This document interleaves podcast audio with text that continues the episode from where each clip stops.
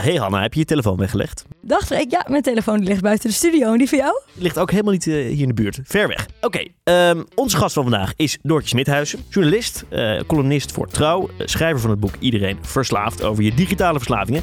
En een maker van de podcast Schaamteloos Randstedelijk. En nu in een andere podcast. Welkom. Nou, een soort Inception. Ja, welkom. Dit is inderdaad ook wel, we hadden het al even van tevoren over, het meest randstedelijke millennial iets wat je ooit kan doen. Een podcast hebben. Ja, 100 procent. Ja, ja. zeker. Nou goed, we gaan het ook hebben over de bliepjes die uit iedereen's telefoon komen de hele tijd. Mijn telefoon ligt nu braaf op de gang. Ja, mijn ook. Eh, want jij onderzoekt ook een beetje ja, hoe afhankelijk zijn van onze telefoons. Eh, wat, wat, wat doen de YouTubers en influencers? Heb je een lievelingsinfluencer? Of ben je ermee gestopt toen je het ging onderzoeken?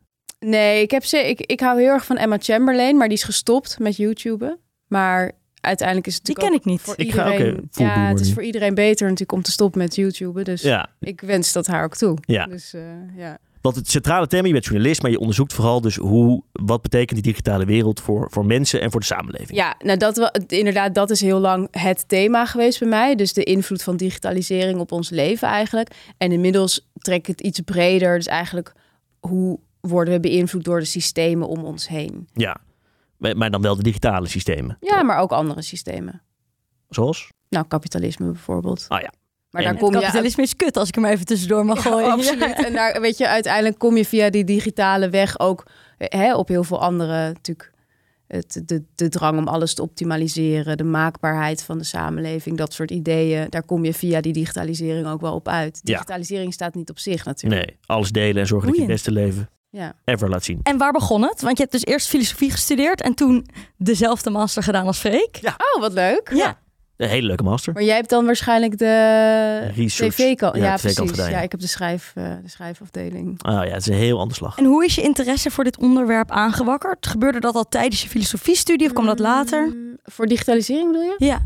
Ja, nee, dat, was, dat zat er toen ook eigenlijk al wel in. Ik heb ook mijn scriptie geschreven over science fiction films en de invloed daarvan. Dus dat, dat, dat zat er eigenlijk al wel in. En het, natuurlijk kristalliseert het zich uit. Weet je, je hebt zo'n interesse, maar voor je eenmaal zeg maar een boek gaat schrijven over influencers, moet er nog wel weer het een en ander gebeuren. En ik ging natuurlijk bij NRC werken en daar schreef ik op een gegeven moment volgens mij als eerst in Nederland een artikel over influencers in 2015, als ik me niet vergis. En zoals dat gaat bij een krant, jij zal dat ook misschien eh, bij eh, talkshows zo ervaren hebben. Als je één keer ergens over schrijft, ben je meteen expert op dat gebied. Eh, dus toen heb ik nog heel veel andere artikelen over influencers geschreven en zo. Ja, Was dat gewoon het fenomeen beetje- beschrijven, dat eerste artikel, van dit bestaat? Eigenlijk wel. Ja, En- maar en- dat was toen echt. Maar dat kan je nu al niet meer voorstellen. Maar dat was toen dus echt heel nieuw. En hoe zag de influencerwereld er dan toen uit? Want het was er toen toch? nou, ik heb het gevoel alsof ik toen ook al influencers stalkte op Instagram. Ja, toen was dat nog best wel nieuw. Dat je dus bijvoorbeeld. eh, als er dan een hotel was, dan nodigde je een paar mensen uit. En die hadden dan 20.000 volgers. En dat vonden we toen heel veel. En eh, die deelden dan die foto's. En dat was het eigenlijk. Dat is natuurlijk nog niet de soort totaal doorgeschoten markt die het nu is. Toch Ja. wel bijzonder hoe snel dat dan is veranderd. Ja, Heel bizar, maar het, sowieso, ik bedoel, de smartphone bestaat 15 jaar. Dat is een feit waar ik mezelf nog dagelijks aan herinner. Ja. Hoe oud was jij toen je hem kreeg? Smartphone? Je hebt Mijn natuurlijk eerste telefoon was mijn Samsung Star. Toen was ik volgens mij 13 of zo. Dat was mijn eerste telefoon. Kon je niet meer appen, of wel? Of eh, eh, mee internetten? Wel met internetten, jawel. Met wifi, op de wifi, want ik had natuurlijk nog geen internet Ja. simkaart. Heb je zo'n dure telefoon? Ja, ja. Oh ja, maar je hebt natuurlijk twee jongen. Ja, oké. Ik had wel v- 16, eh, denk ik, dat ik voor dat ik een smartphone kreeg. ja. Ben ik best blij mee, overigens. Dat ik niet eh 9 was toen ik in, Ja, want in nu, eerste groep want ik heb opgepast op kinderen van acht en die hadden TikTok en een smartphone en die gingen dan de hele dag TikTok-dansjes doen voor het beeld en dan zat ik daarachter of dan moest ik zo die, die telefoon vasthouden en dan kreeg ik gewoon kippenvel van Ja. oh nee, hoe kan het dat kinderen dit aan het doen zijn? relaxed, toch? Hoeft En dat het doen. online komt. Als ja, oppas. als oppas hoef je Ja, weinig ja. te doen, maar ik ben heel blij dat mijn achtjarige ik niet op het internet staat. Nee, nee. Of met, ofwel dat je ouders je erop gooien, maar dan met zo'n hoofdje eroverheen. Ja, Dat ja. natuurlijk ook nog. Maar je begon dus met het beschrijven en je bent ook een soort, wel gaan, ja, mag ik zeggen waarschuwen? Eh, Je hebt, of is het nog steeds... Ehm, ja, waarschuwen. Ik denk dat ik iets meer analyseer ja. en duid. Ik weet niet of ik echt waarschuw. Nou, maar je hebt een boek geschreven over sociale verslavingen, na je boek over influencers. Ja. En daarin is, is, is, eh, zeg je van, het het is echt wel groot en we, we zien het niet. Nou, ik zeg in elk geval, het is, het is iets wat onlosmakelijk eh, verbonden is aan de opkomst van die smartphone en digitalisering. En waar we gewoon eigenlijk nog niet heel veel antwoorden op hebben. Dus als het gaat om, of het nou echt gaat om de verslavingszorg, waar je eigenlijk nog niet zo heel erg terecht kan. Met een verslaving aan uh, grinder of zo, ik noem maar iets. Of als het gaat om ons eigen leven, van dat we gewoon misschien niet zo heel goed kunnen bepalen wanneer is iets zo normaal gedrag en wanneer is het echt Ja. verslaafd gedrag. Wat je bij, bij eh, drugs of bij alcohol... En kan je een beetje Ja. een indicatie geven wanneer zijn mensen verslaafd aan hun smartphone? Asking for a friend? Ja, dat is, dat, die vraag krijg ik natuurlijk gewoon Ja. eigenlijk de hele tijd nu. En ook nog vaker krijg ik gewoon een schermtijd en dan ben ik verslaafd. En het eerste wat je eigenlijk leert als je met eh ja, verslavingsdeskundigen of psychologen over dit onderwerp praat, is dat het eigenlijk niet zoveel uitmaakt hoe lang je iets doet, maar waarom je iets doet. Dus als jij, ja, stel jij zit zeven uur per dag wel eens eh, op Instagram, dat je dat toevallig echt even super leuk vindt dan hoeft er nog niet zoveel aan de hand te zijn. Maar als jij dat bijvoorbeeld doet omdat je je heel eenzaam voelt en daarom op zoek gaat naar dopamine kicks om die eenzaamheid eh, te vergeten, dan, is de, ja, dan ligt de afhankelijkheid heel erg op de loer. Eigenlijk net zoals met klassieke verslavingen. Ja, zeker. Ja. Nou ja, ik, al, ik zeggen, als je de hele dag door bier drinkt, dan zegt niemand van... eh, waarom doe je dat? Waarom doe je Ja, het als je het ja, leuk vindt? Maar je kan dus heel veel gebruiken zonder dat je er echt last van hebt. Of is dat, dat, dat, dat Ehm, ingewikkeld? Nou ja, dat ligt er dus aan waarom je het doet. En de mate waarin je dus echt verslaafd raakt, eh, wordt daardoor ook eh, gestuurd. Ja. Dus als jij de, de reden waarom jij op een app gaat, is heel erg vormend voor het gedrag wat er vervolgens gaat ontstaan. Dus als jij op een app gaat omdat je angstig bent over de toekomst of zo, dan is de kans veel groter dat je verslaafd raakt aan Ja. die app dan als je ja, je gewoon even verveelt of zo. Oké, even terug naar jou, want jij hebt dit thema genomen, gekozen, kan je eigenlijk wel zeggen. Eh, verveelt het nooit om het te hebben over... De eh, digitalisering? ja, Nee. hoe komt nee, dat? Omdat, nou, omdat eh, eigenlijk alles wat in de samenleving speelt, komt constant samen in alles wat we digitaal doen. Ja. Ehm, en je kan het gewoon, het is zo'n perfecte spiegel eigenlijk voor onze hele maatschappij. Nee, dus het verveelt niet, nee. Wat zijn de dingen waar je het meest zorgen over maakt? Als je nu kijkt Ehm. naar hoe snel dus die veranderingen vanaf het begin van de smartphone tot nu zijn geweest. Ja, ik vind het al heel grappig dat het dus heel vaak gaat over zorgen en zorgen maken. Ik zat laatst ook bij jou, bij op één. Ja. En dan werd ik ook aangekondigd van... eh eh Doortje Smithuizen maakt zich grote zorgen over TikTok of zo. Weet je, zo. Het lijkt me heel gek, die tekst Had te ik helemaal niet gezegd, weet je wel. En dat is denk ik al iets wat, wat ik al heel... Als het dan gaat om zorgen... ehm, hoe we met elkaar communiceren. Wat we zien als interessante tekst. Wat we zien als een interessante vraag. Eh, daar zit namelijk op dit moment altijd een negatieve lading in. En ook vaak een lading van haat of woede of angst. En dat komt echt, volgens mij, 100% door Twitter. Omdat we door die manier van communiceren, die manier van denken hebben gezien. Haat slaat aan, angst slaat aan, eh, woede slaat aan, negatieve emoties überhaupt slaan gewoon aan. En dat is iets wat doorcijpelt in ja, alles eigenlijk wat we doen qua ja, zenden de wereld in. Eh, toen ik bij NRC werkte, begonnen ze met die AB-testen, weet je wel? Dus dat je een kop, dat, ze stukken met twee koppen eh, online, zetten. zetten, ja. En dan kijken welke meest werd geklikt. En nou, degene die het meest werd geklikt, was altijd het minst genuanceerd en het meest negatief. En je merkt ook dat mensen op die manier vervolgens bijvoorbeeld media gaan maken. Dus eh, gaan, je weet dat dat aanslaat, Ja. dus ga je nou, dus ga je bij eh, een talkshowtafel iemand aankondigen als van eh, ze is heel kritisch of zo, weet Ja, je wel. Dus Is boos, ja. maar goed, dat is iets waarvan ik denk, ja, dat, dat is wel iets wat me zorgen kan baren of zo. Ja. Is dat ook de reden waarom je zelf geen Twitter hebt? Omdat je denkt, die Ehm, haat en hoe het daar gaat. Ja, ook. Maar ik vind Twitter gewoon allround verschrikkelijk. Gewoon, ik, ik, het is gewoon bizar dat er een platform is dat zo ongelooflijk veel geld verdient aan het opjutten van de gebruikers, aan haatzaaien, aan gewoon relletjes creëren die eigenlijk nergens op slaan en een aantal mensen heel groot maken waarvan je ook denkt, ja, maar moeten mensen die blijkbaar zo goed zijn in op zo'n manier op anderen reageren, nou zo'n groot podium krijgen? Hoe zie jij dat, Hanna? Want jij zit veel, je twittert veel. Doe mijn best, ik doe mijn Ja. best. ja, het is heel giftig daar, maar het is ook een manier om je message naar buiten te sturen. En daar zitten wel ook de beslismakers. Die kijken op Twitter. Heel veel dingen die s'avonds bij de talkshow worden besproken, dat zijn dan relletjes die die ochtend op Twitter zijn begonnen. Oh, zeker. Dus je Ja. moet bijna wel Ik eraan meedoen. Maar Ja, je ziet wel dat dus de mensen die ruzie maken op Twitter, een Sander Schimmelpenning bijvoorbeeld, die krijgen heel veel aandacht. Dus om aandacht te krijgen moet je bijna wel Ja, maar noem nog eens zo iemand. gemeen zijn. Ehm, Want ik heb het idee dat omdat Sander, zeg maar, dat iedereen hem altijd noemt. Terwijl ik vraag me ook af, ja, zeg maar, Robert Jensen zit niet in een talkshowtafel. Nee, Patrick Kikker ook niet. Nee. Eh, dat klopt. Maar jij merkt ook dat hoe provocerender jouw tweets zijn, eh, hoe meer provocerend, zeg maar, als jij de hele menigte tegen je in het harnas jaagt, de hele boze witte mannen menigte noem ik maar even, hoe meer views hij heeft, toch? Ja, maar dat is nou niet precies waar ik naar op zoek ben. Want ik ben Nee, maar zo werkt het wel. wil Oh, zo niet? min mogelijk Is toch boze altijd- mannen. Is, toch altijd meegenomen om de boze witte mannen Ja, mee nou, die hebben we inmiddels wel over ons heen. Nee. mennen?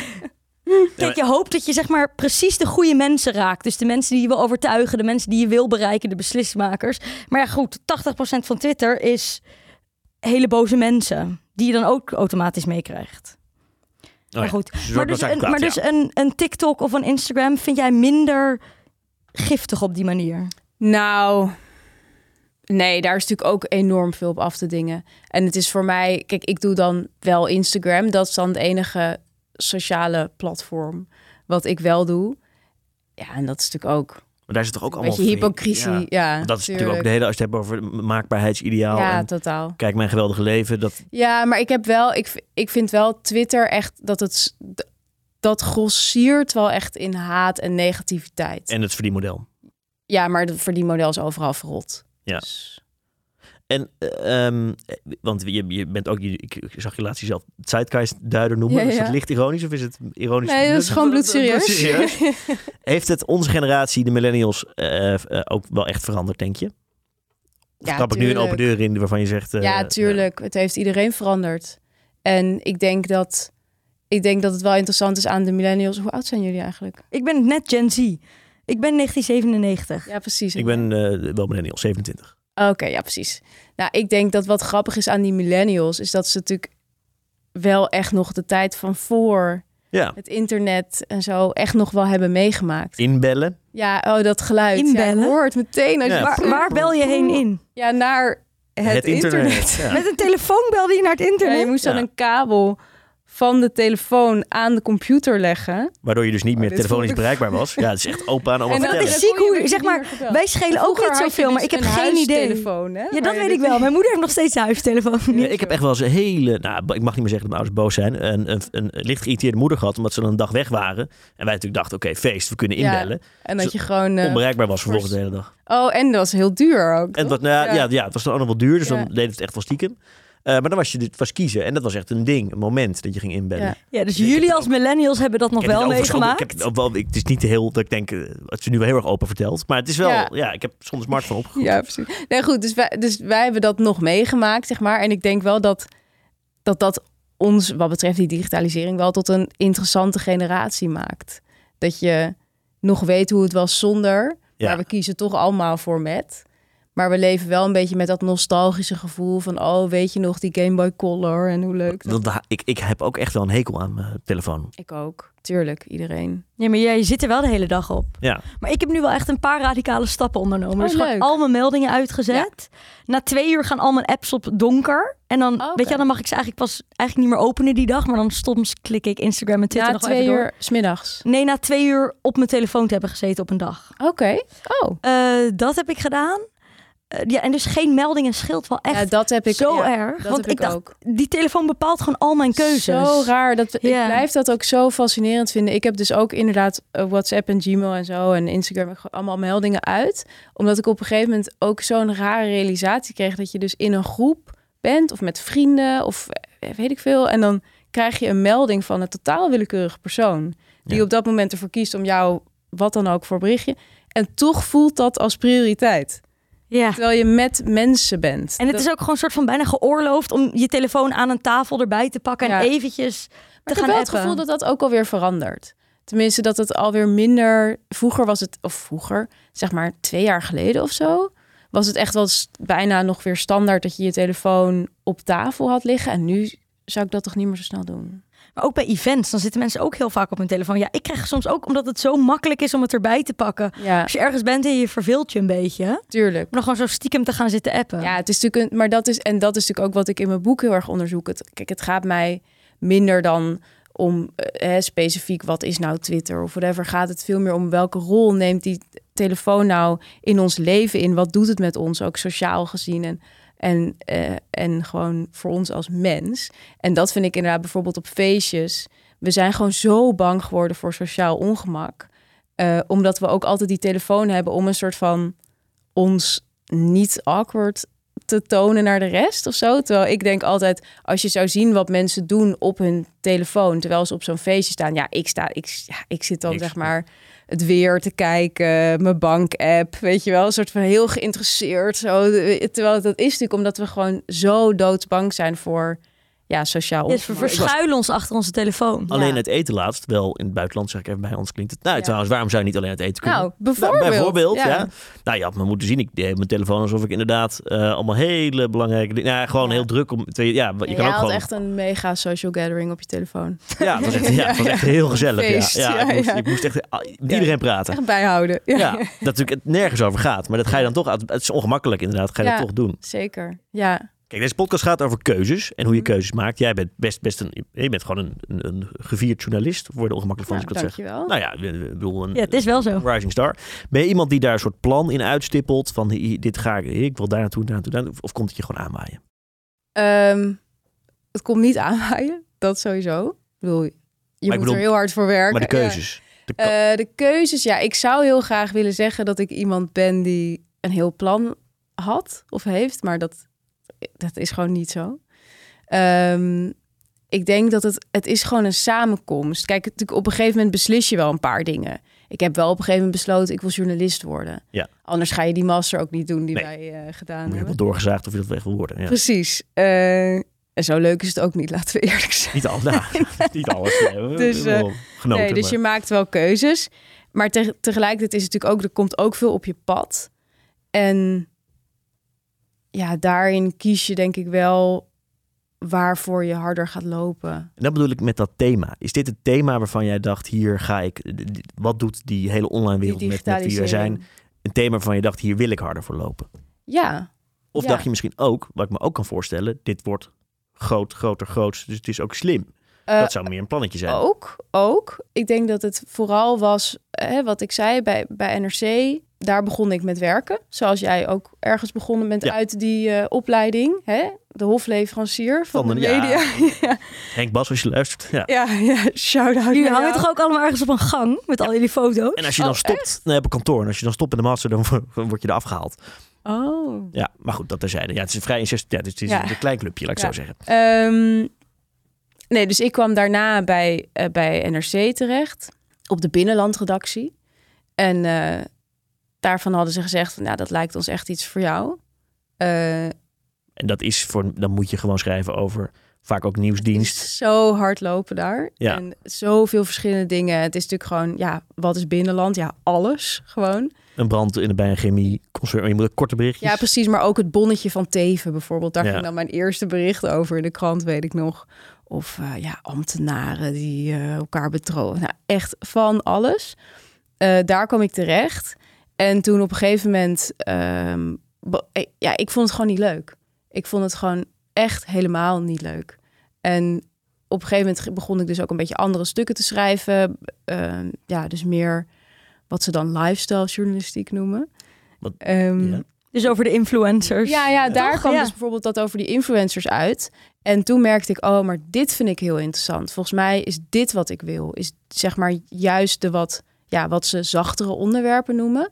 Eh, wat meer tijdgeestachtige verhalen. Volgens mij is dat veel meer waar mijn kracht ligt. Veel minder dan eh, ja, nagaan of eh, inderdaad een, een, een wijkcentrum in Delft. Of dat nou terecht of onterecht gesloten is of zo. Weet je, dat, Ja.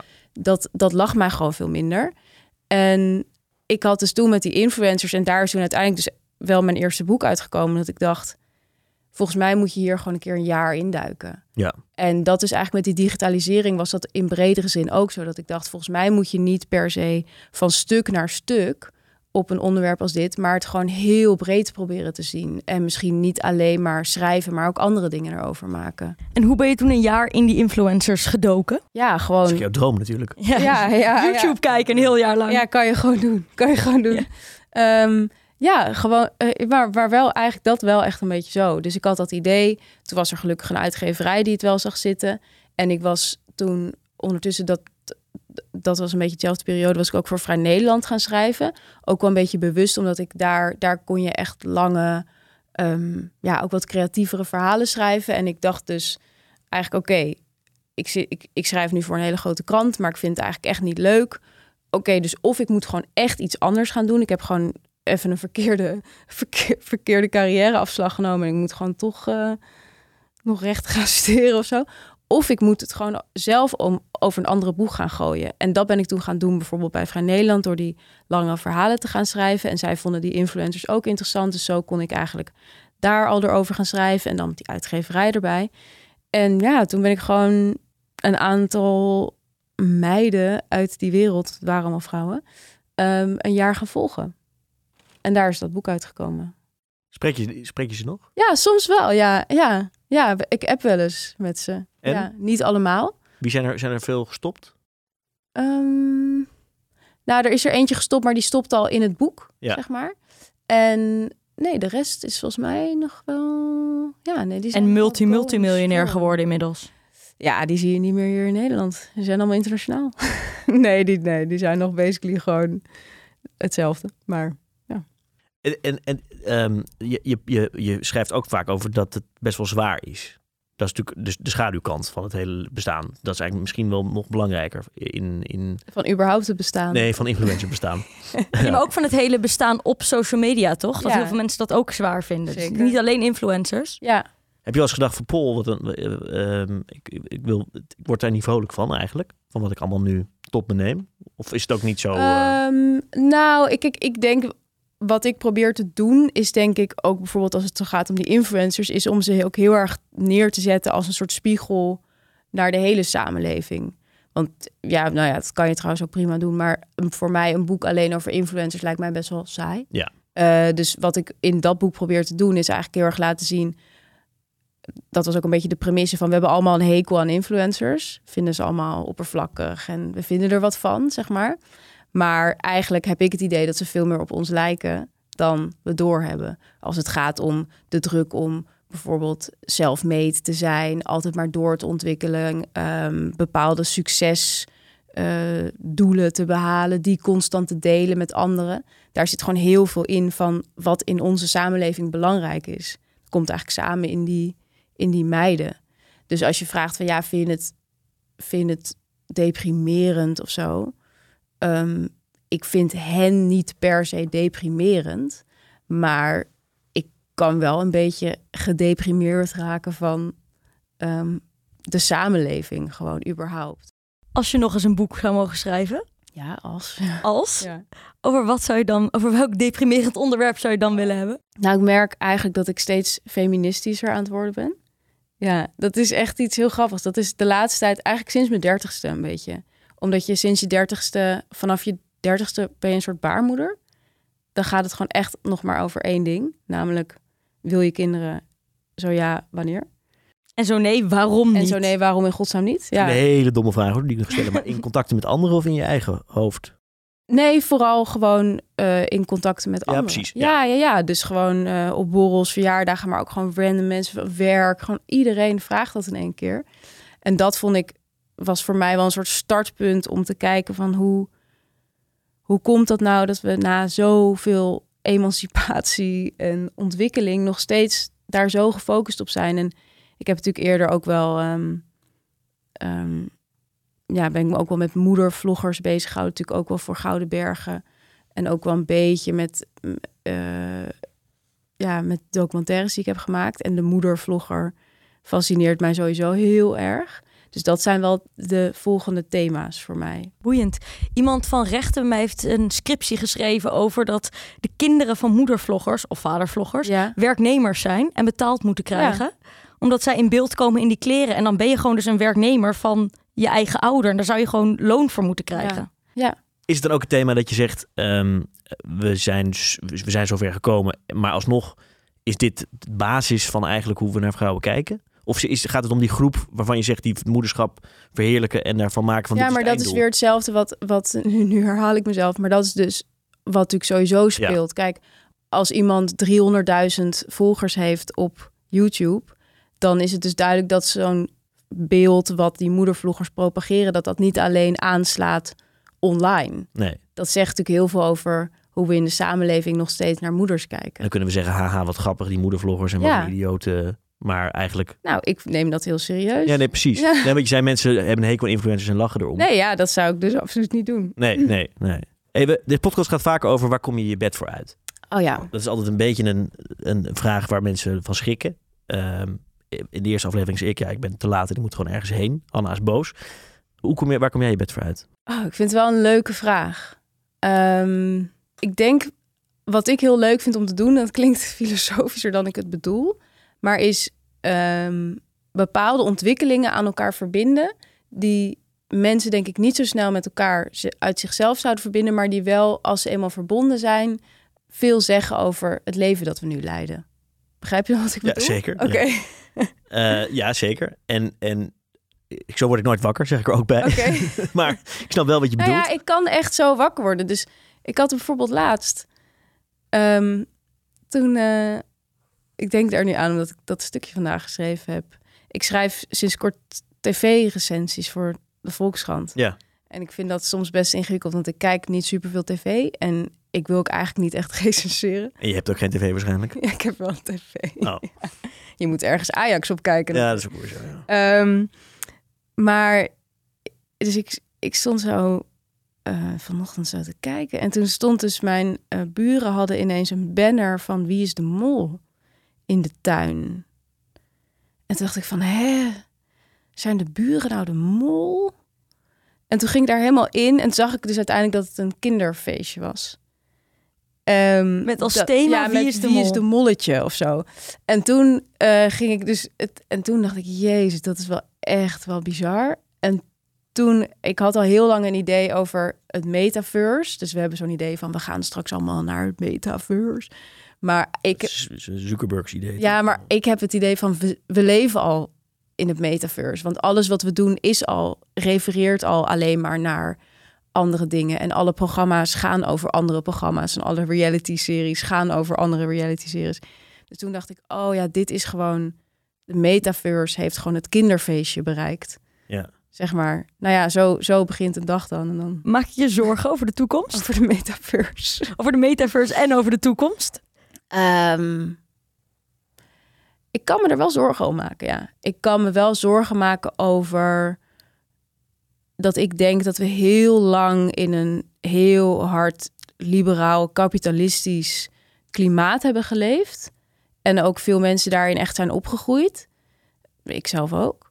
Waardoor we gewoon niet echt meer hebben geleerd om in gemeenschap te denken en om aan anderen te denken en om te denken buiten een frame van wat is het beste voor mij en hoe ga ik het meest rendement halen uit deze dag of uit dit leven.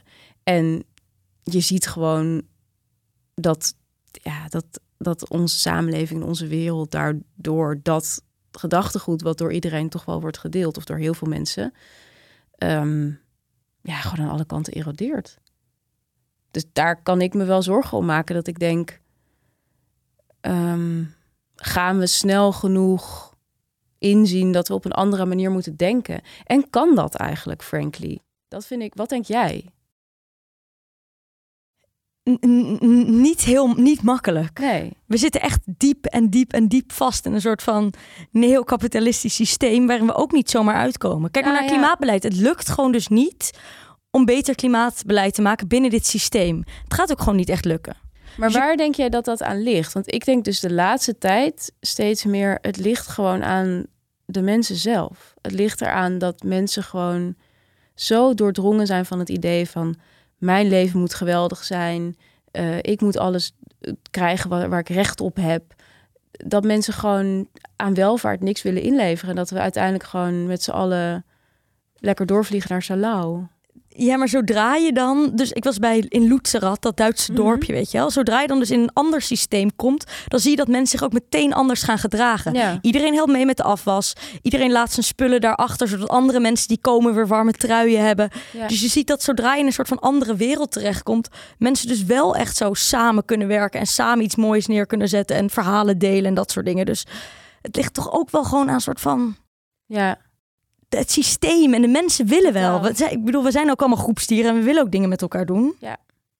Nou, en het systeem dat zichzelf op zijn plek wil houden natuurlijk. Dat, Ja, Dat er zijn een paar mensen die heel rijk en Ja. heel blij worden van dit systeem. Maar en influencers zijn er een paar van. ook, ja, zeker. Maar mensen zijn ook wel hoopvol, toch?